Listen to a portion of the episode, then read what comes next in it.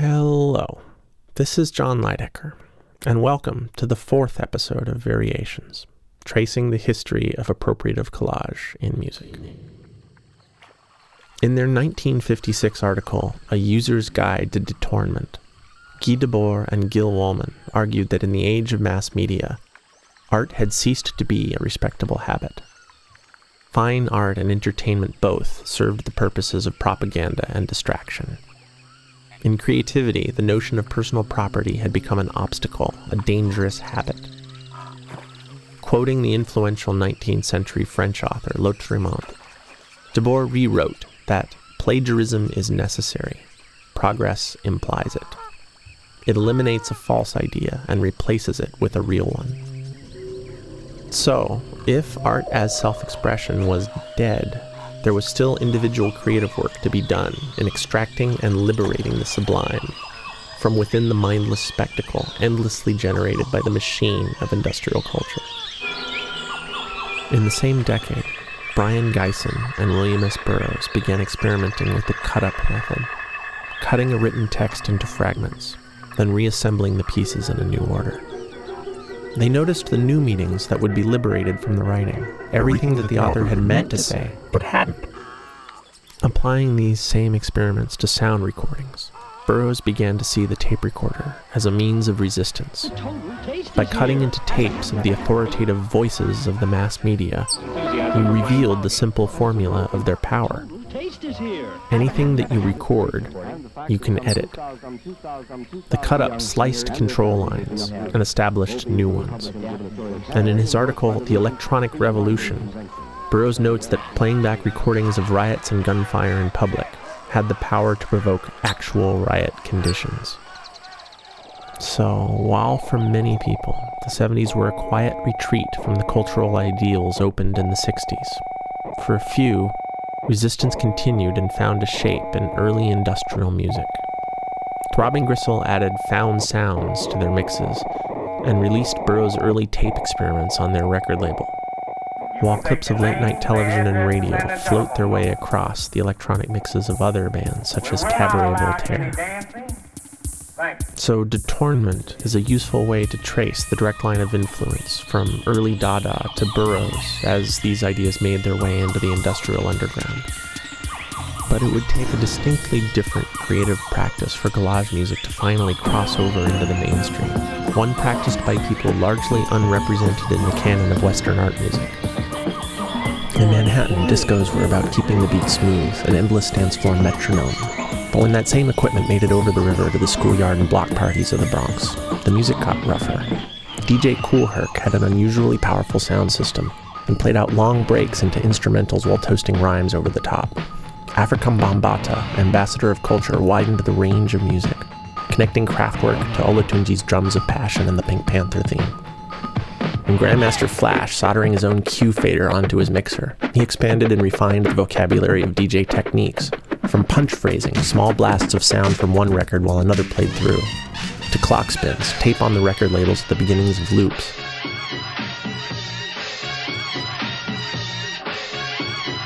Grand Wizard Theodore is credited with the invention of scratching, the needle left in the groove as you whip the record back and forth. That was the sound pretty much every DJ heard on their headphones in cue. And Flash, among others, refined that raw sound into a voice. At early gigs, Flash was doing so much to the records that people would stop dancing and start staring. So while disco culture slowly moved the DJ back into a glass booth like an air traffic controller, across the river the DJ had evolved into a stage musician, an instrumentalist. Took a long time for this kind of music to make it into the studio. It wasn't until 1981 that Flash cut a record that crammed his inventions, a new expanded vocabulary of DJing, into one seven minute track. Live on three turntables, one of the earliest singles to be made out of other records. This is the adventures of Grandmaster Flash on the Wheels of Steel. You see, you see, you see, you see, you see, you see. You say one for the trouble, two for the time. Come on, girls, let's rock that. Fab Five Freddy told me everybody slide. DJ spinning, I said, my my. Flash is back, Flash is back. Flash is fast, Flash is cool, Francois, c'est pas, Flash ain't no do. You say one for the trouble, two for the time. Come on, girls, let's rock that.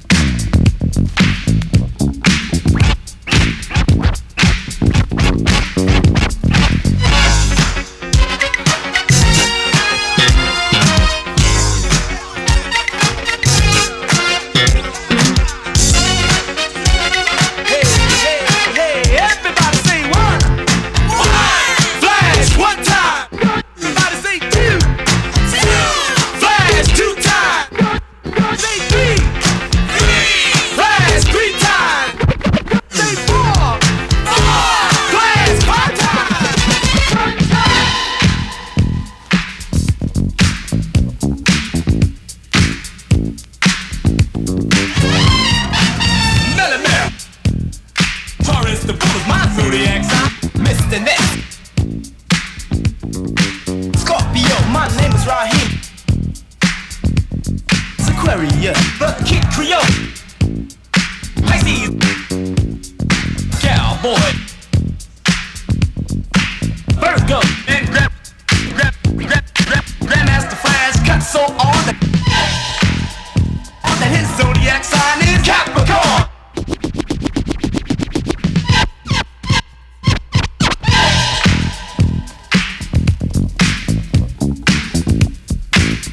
to tell me a story? Please tell me a story too.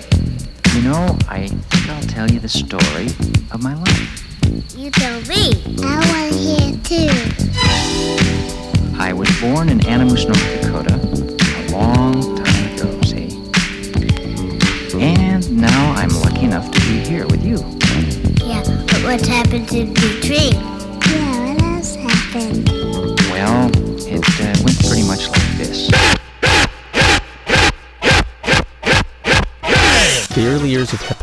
Turned the turntable into a live instrument. But when groups finally started making it into the studio to record, it is amazing to realize how many of them left the turntables at home.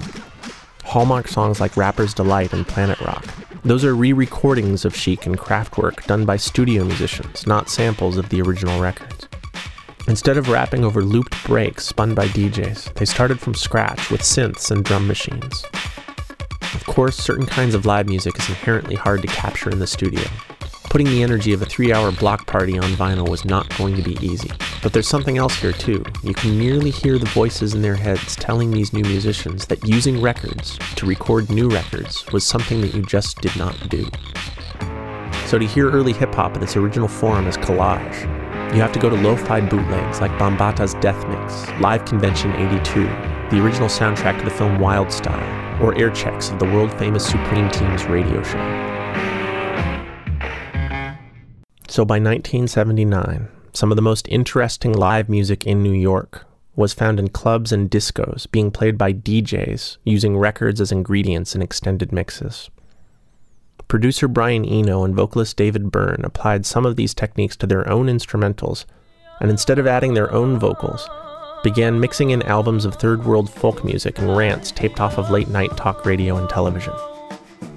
It took an extra year for their record label to legally clear the samples, and in 1981, the first album entirely composed from unwitting lead vocalists emerged My Life and the Bush of Ghosts.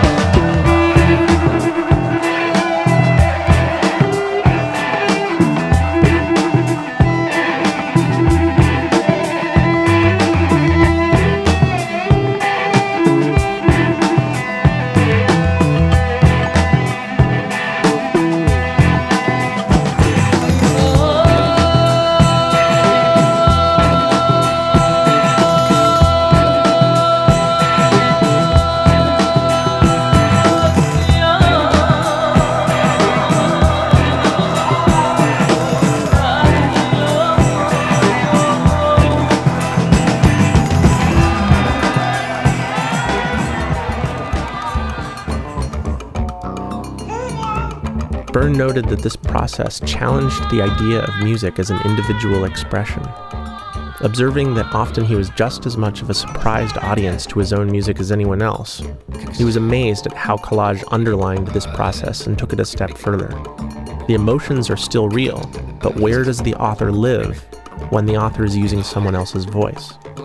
The role of the artist in collage is to move the pieces around until the pieces seem to fall into place. And then you have the opportunity to learn more about what that new place is like.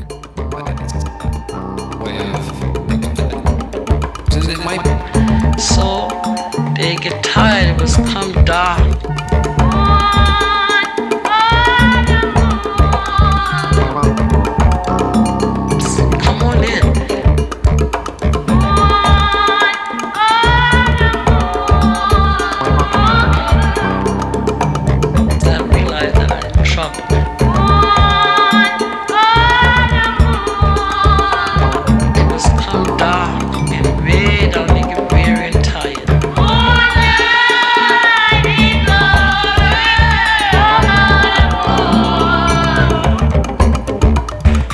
McLaren's calculating world music and hip hop mashup album, Duck Rock, had a crossover hit with the song Buffalo Gals. But the real contribution was carried forward by the 1982 remix EP, Do You Like Scratchin'? Trevor Horn's remixes spent less time on McLaren singing and more time on the world famous turntables.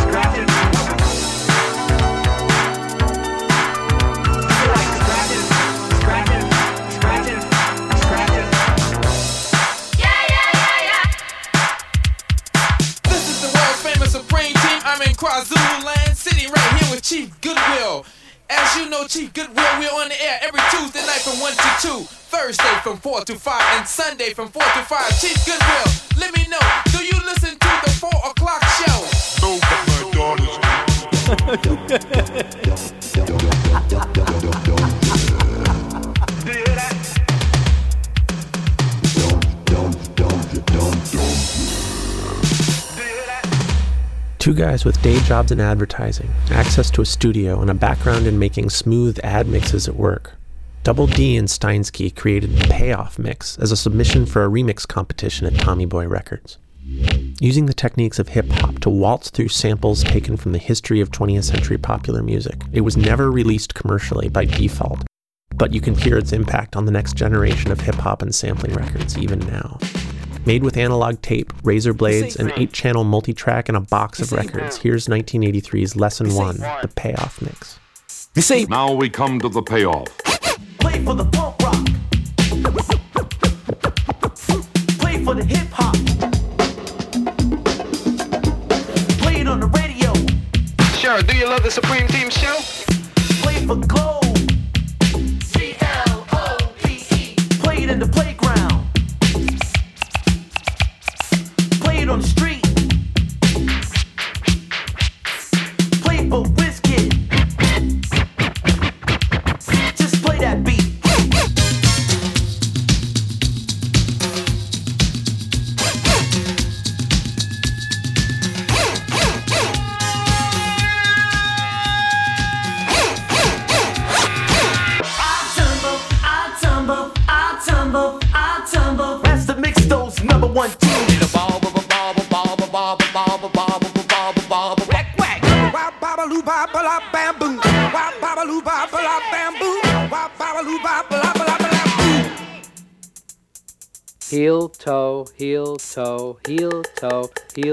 Heel. Hop forward, hop back, hop, hop, hop.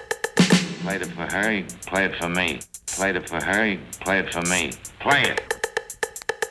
Play it. Play it. Play it. Play it. Play it. dance.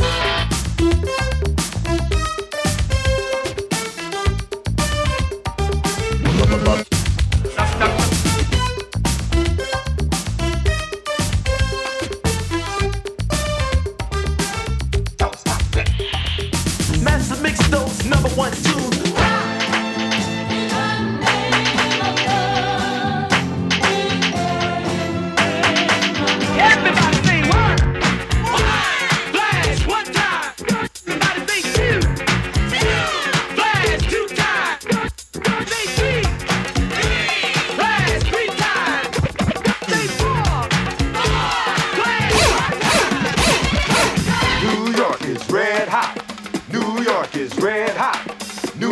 is red hot.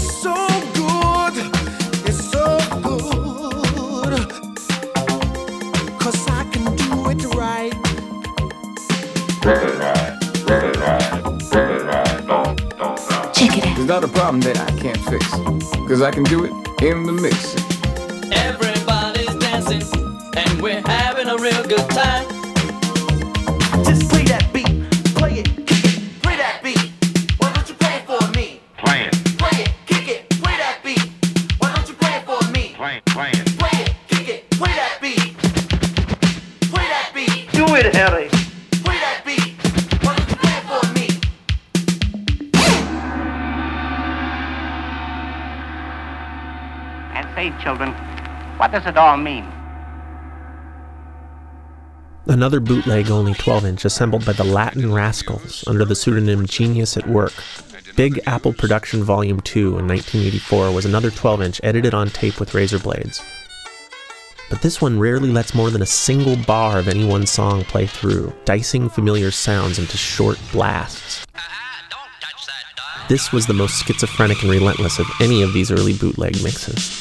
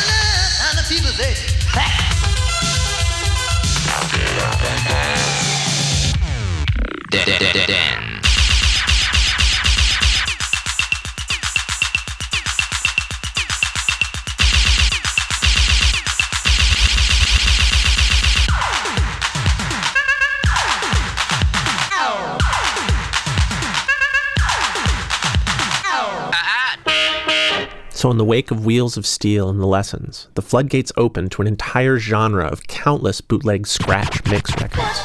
Anonymous, illegal 12 inch singles that would cram just enough of the good parts from 5 to 20 hits onto one side. These were essentially medleys, but medleys assembled using the original recordings, mixed together on two turntables and held together with scratching.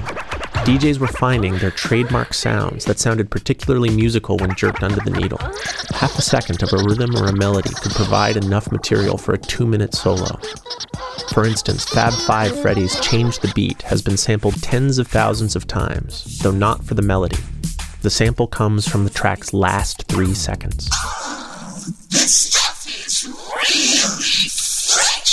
Using Fresh and what sounds like a guitar chord from ACDC, Scratching hit MTV and the Grammy Awards via Grand Mixer DST's performance on Herbie Hancock's Rocket. While on tour with Hancock, DST would lead into Rocket with a five minute turntable solo that bordered on space music.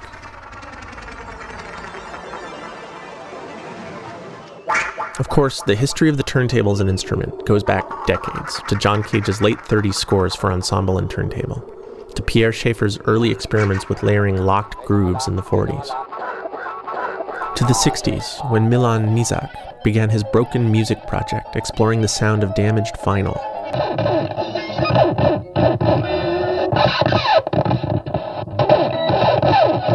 Cutting albums into quarter pieces and then gluing them back together to create skipping rhythms out of four different songs.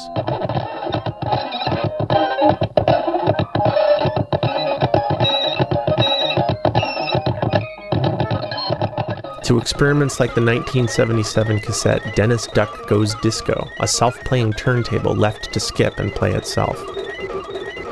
But it was going to take a completely different tradition before the turntable could cross over into popular music. As DJ Kool Herc noted, his mandate was the people's choice. The turntable became the instrument that soundtracked block parties. But this was not just party music. This was about self expression one decade after the civil rights movement.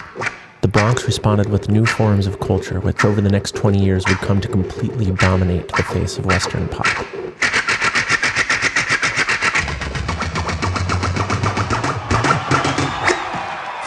In the meantime, the experimental tradition continued making its own progress.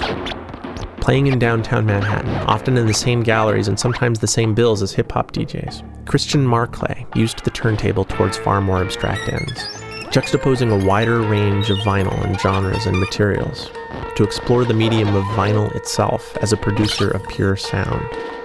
Often just as hyperkinetic in performance as Grandmaster Flash, but operating far outside the expectations of the dance floor.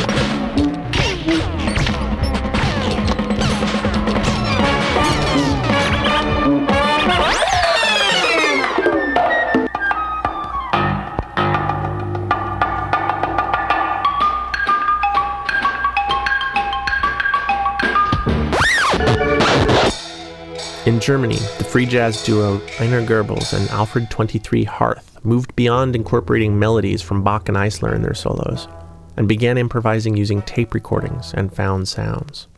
The 15 minute Peking opera collides the theater music of Chinese classical with German agitprop.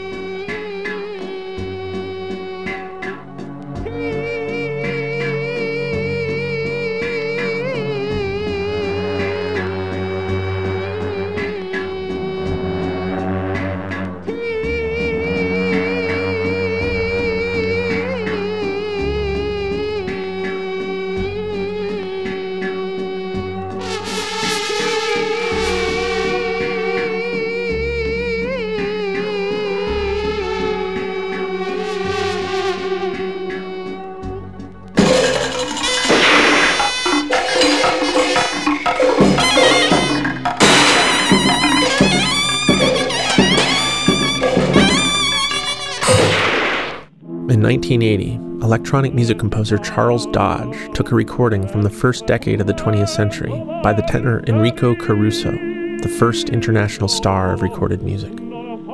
Using a computer to layer and change the pitch of the original recording into a chorus singing new melodies, any resemblance is purely coincidental, was one of the first dedicated explorations of digital pitch shifting to compose new melodies out of a fixed recording of a previous one. Almost 20 years later, this technology would refine itself into pitch correction software such as Autotune and Melodyne, digital sampling used to correct or modify a singer's intonation.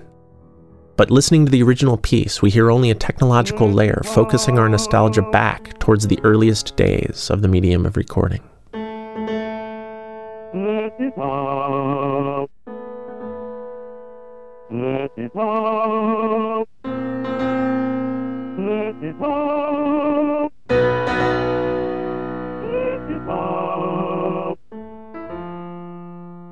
it won't.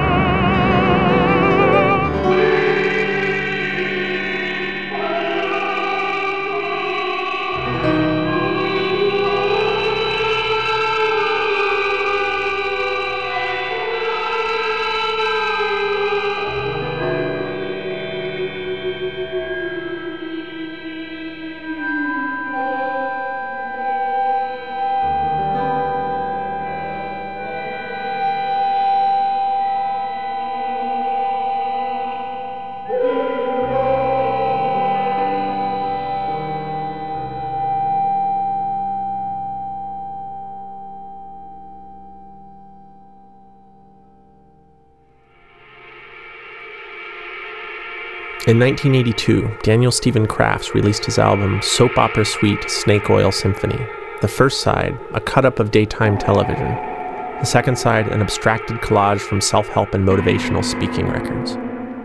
The liner notes mention the increasingly popular technique of using found sound, but his record is less about further transformation into something that we would recognize as music, and more about using the simplest of editing techniques to create conversations between people who have never met. You cannot! You cannot! You cannot! Now you can have this amazing new symphony. A mighty symphony of prosperity. Just as the musicians in an orchestra harmonize musical tones. Just a second, I forgot my note. Just as the musicians in an orchestra.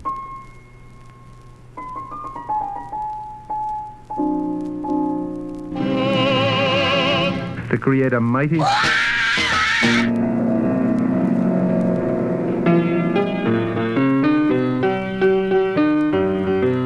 Right in your own. Right in your own home. And now! Now you can have. Now you can have. Now you can have this amazing new symphony.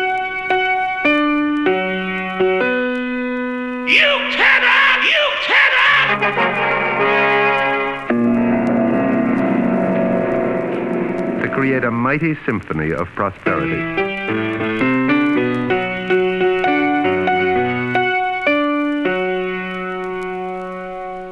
Milk train! Milk train! Right in your. Right in your. Right in your own home. Composer Steve Moore assembles symphonies using field recordings of environmental sounds, but he extended his palette to samples of orchestral and choral music for his 1983 piece, The Threshold of Liberty.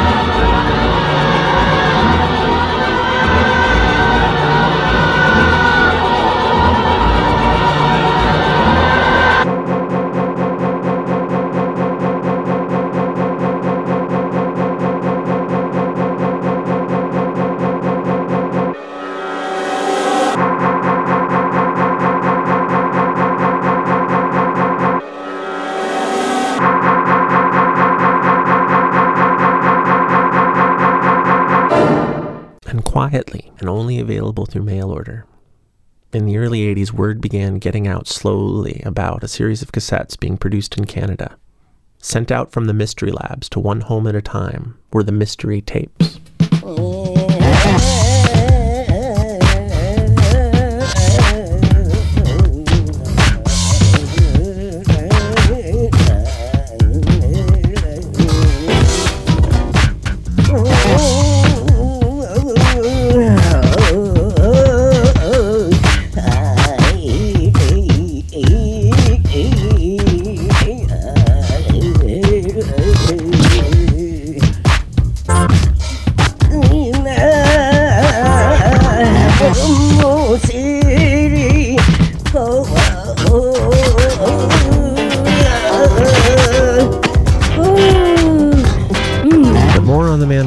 Next episode because only now, over three hours into this series, can we begin to use the word sampling with any accuracy as a verb to describe the use of the new musical instrument that emerged in the 70s and was slowly making its way into various music studios the digital sampler.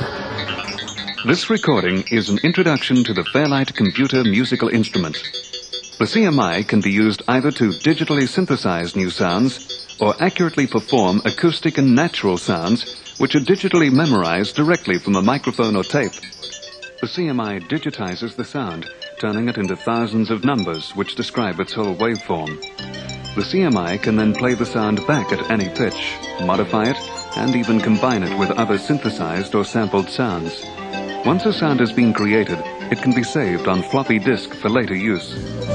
Take a versatile musician, a CMI, a multi-track recorder, and you really do have a one-man band.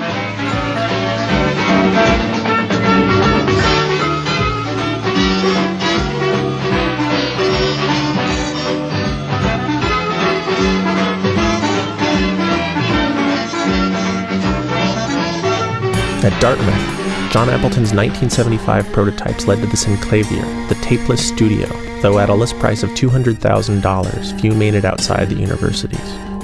In 1979, Tony Furse in Australia introduced the Fairlight CMI at $30,000. And by 1982, California's EMU Systems was selling their emulator for $8,000. The initial marketing campaign for early samplers promised users the ability to cheaply simulate any acoustic instrument. If you could play a keyboard, now you could play the entire orchestra. But pioneering records by Kate Bush and Peter Gabriel, among others, immediately explored the sampler's ability to extend the promise of musique concrète, creating rhythms and melodies from explosions, sound effects, and industrial noise. The Fairlight had a monitor, a light pen interface, and a visual sequencer called Page R, which allowed the user to draw the sounds into loops. If designed to simulate the acoustic instruments of the past, it quickly became a way to hear the acoustically impossible.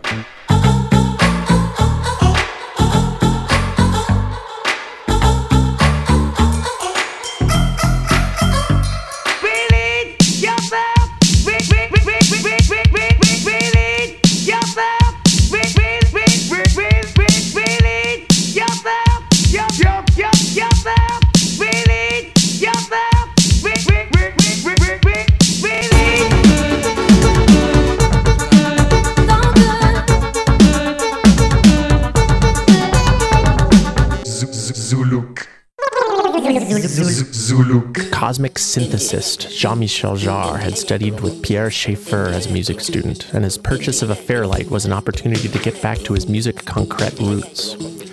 Fragmenting all the world's languages into a rhythmic tower, this is Zoolook from 1984.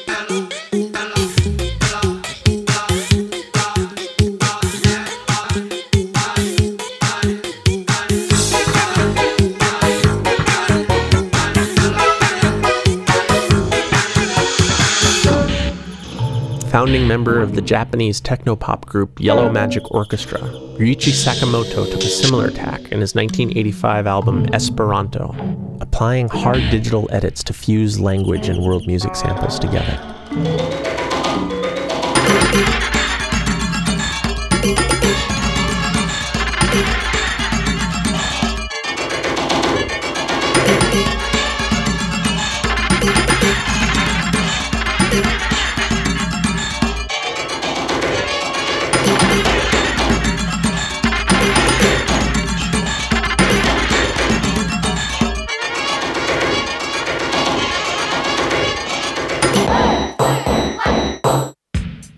Their remix work on Do You Like Scratching, The Art of Noise found inspiration and a band name in the revolutionary new music manifesto written by futurist Luigi Russolo in 1917, where he imagined industrial noise deployed for musical use. Mapping engine noises, coughing, explosions, and old hit parade tunes onto their Fairlight keyboard, The Art of Noise formally turned Russolo's experiment into pop chart hits.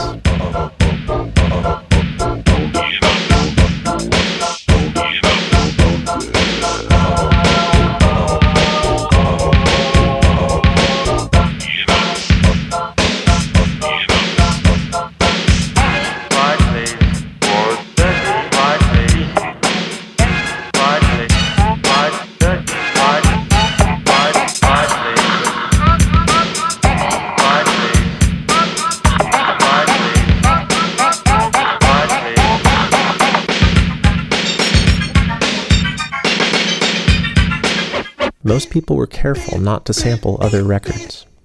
The new instrument was used to deploy recordings they'd made themselves and not to reference or transform familiar ones. But it was only a matter of time before people began using the sampler not just with their own sounds, but their favorite ones, distinctive sounds by others which couldn't be made or recreated in any other way, sounds which still had too much life in them to stay locked up on one record.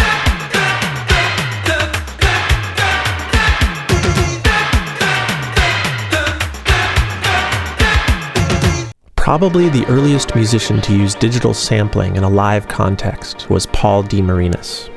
In 1975, while working for Buchla Associates designing synthesizers, he modified a small digital delay unit to allow the user to freeze the sample as well as pitch it up and down.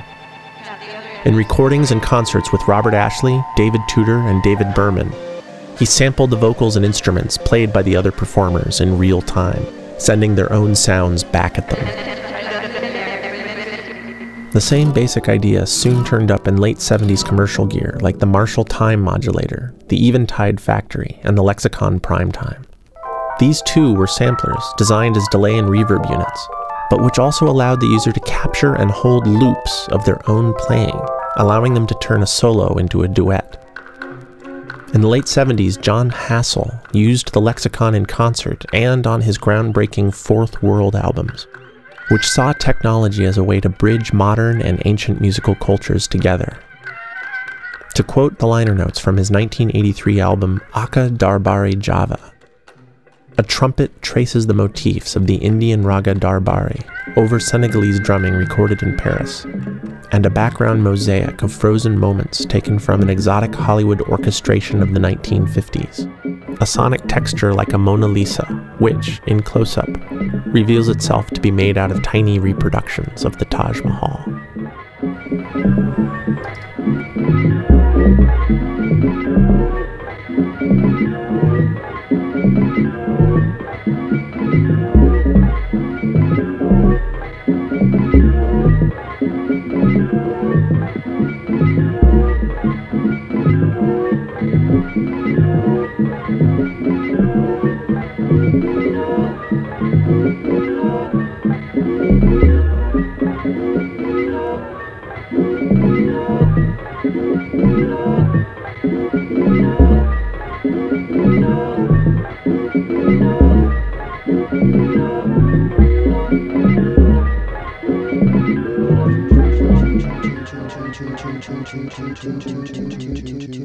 One of the most active and accomplished early practitioners of live sampling was Carl Stone. Playing live with a turntable or cassette deck and the powerful Publison delay, Stone captured and mulched world music and classic Motown songs into shapes and rhythms that he responded to in real time as he heard them. Here is Shibucho from 1984.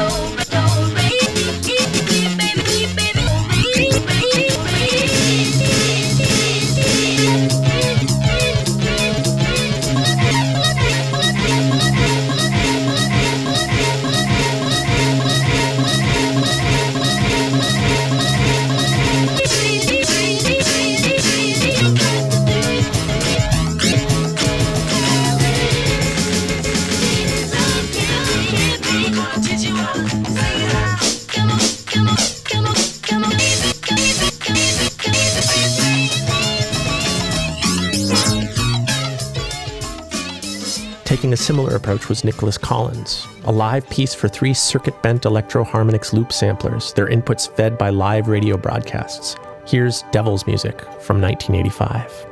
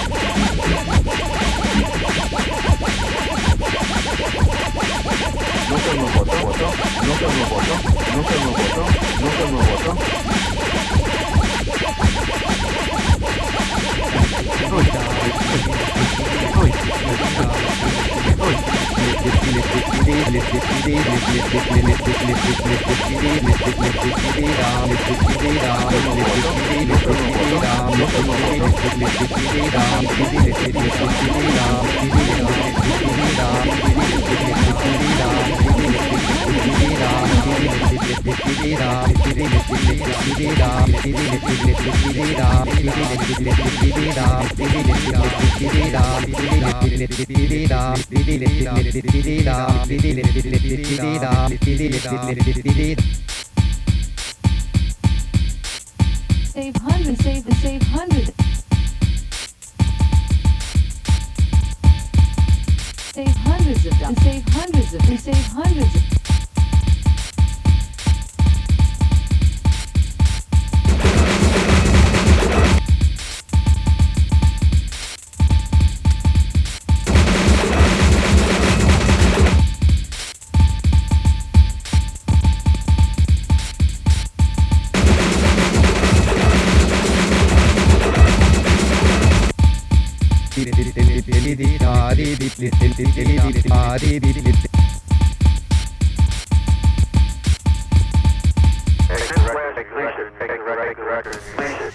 Hello?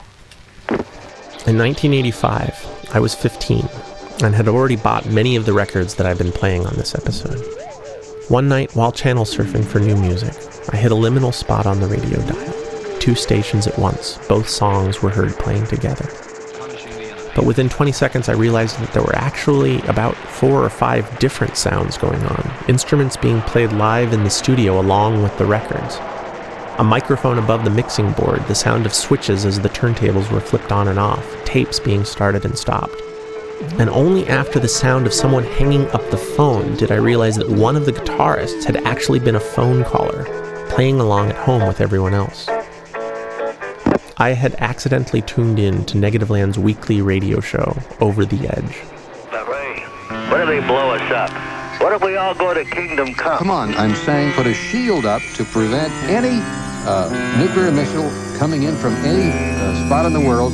But Ray. And if both countries, both superpowers, But Ray. put in space a defensive nuclear shield.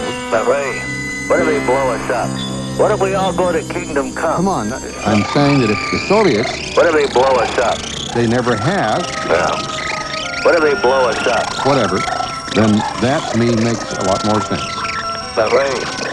What if we all go to Kingdom Come? Come on, put a shield up to prevent any nuclear war while our people, they are, But Ray. they are hostage. We are naked as jaybirds. What if they blow us up? Our people, they are, they are hostage. We are naked as jaybirds. Well, I'm not naked. Well, you are naked. I'm not naked, Ray. And thanks a lot, Well, you are naked, and I'm naked too. Good Thank, night. thank you very much.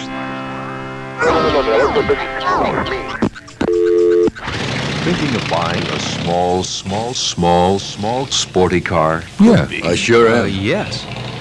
Think of Cadillac. I was thinking of an Cadillac. I was thinking of uh, Cadillac. I was thinking of a Cadillac. Well, I was thinking of a Cadillac. Uh, how about Cadillac. Cadillac. Cadillac. Cadillac. Cadillac, Cadillac, Cadillac, like Cadillac, like Cadillac, Cadillac, Cadillac, Cadillac, Cadillac, Cadillac, like Cadillac, like Cadillac, Cadillac, Cadillac, Cadillac, Cadillac, Cadillac, like Cadillac, like Cadillac, Cadillac, Cadillac, Cadillac, Cadillac, Cadillac, like Cadillac, like Cadillac, Cadillac, Cadillac. In an age where all of my favorite pop records were already clearly electronic studio based creations, I'd noticed that many live bands could no longer compete with the studio versions of their own songs. And here was the solution for how to play live in the age of the studio. You learn how to improvise with recordings. Over the Edge, yes, I'm Don Joyce, and tonight Over the Edge has brought you Negativland here in the studio live. All of them, what it's been is four tape decks, three turntables, three car players, three cassette decks, uh, and live mics, which include the booper, an invention of David Wills, uh, which is indescribable, so I won't. A muson, which costs about $4.95 uh, somewhere or other, and uh, clarinet, the viola, guitars, sax. That's about it. Uh, various noisemakers and voice. Uh, yes, he did very well. You may have heard of uh, Brian Eno's dictum that the recording studio is a compositional tool. Well, uh, we support that. We agree with that. We're behind that 100%, right? Right! But we don't have a recording studio. We have a radio station, so uh, use live radio as a compositional tool. Negativland was founded in California's Contra Costa County in 1979, influenced by industrial music, krautrock, and found sound collage. 1983's A Big 10-8 Place is their masterpiece, a portrait of life in the soulless American suburb, created with samples of the advertisements that depict it as a paradise, We're moving, moving to Concord. and ground together with the noises of what it's actually like to live there. The first thing that happens is that the bones splinter. Side 1 tells the story of a family moving to Contra Costa, and Side 2 tells you how to get there yourself. Okay, kids, the car's packed. Now go and get your father and we'll look at some more new houses.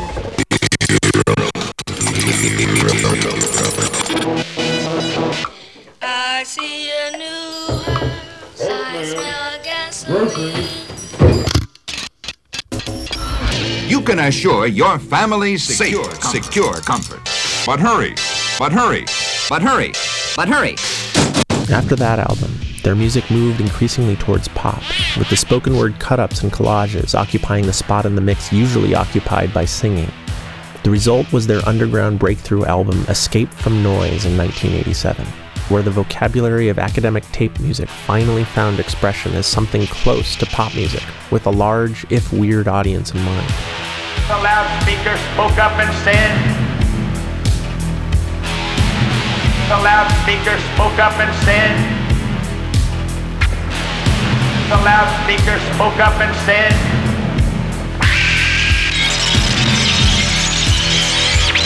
The loudspeaker spoke up and said, Christianity is stupid. Christianity is stupid. Christianity is stupid. Christianity is stupid. Christianity is stupid. Christianity is stupid. Christianity is stupid. Christianity is stupid. Communism is good. Communism is good. Communism is good. Communism is good. Give up. And the tent was suddenly filled with an announcer's voice speaking Commie. Then with music from Moscow, followed by English and French speech. The recording was made at the Moscow Theater of Musical Miniatures. Now back to modern times.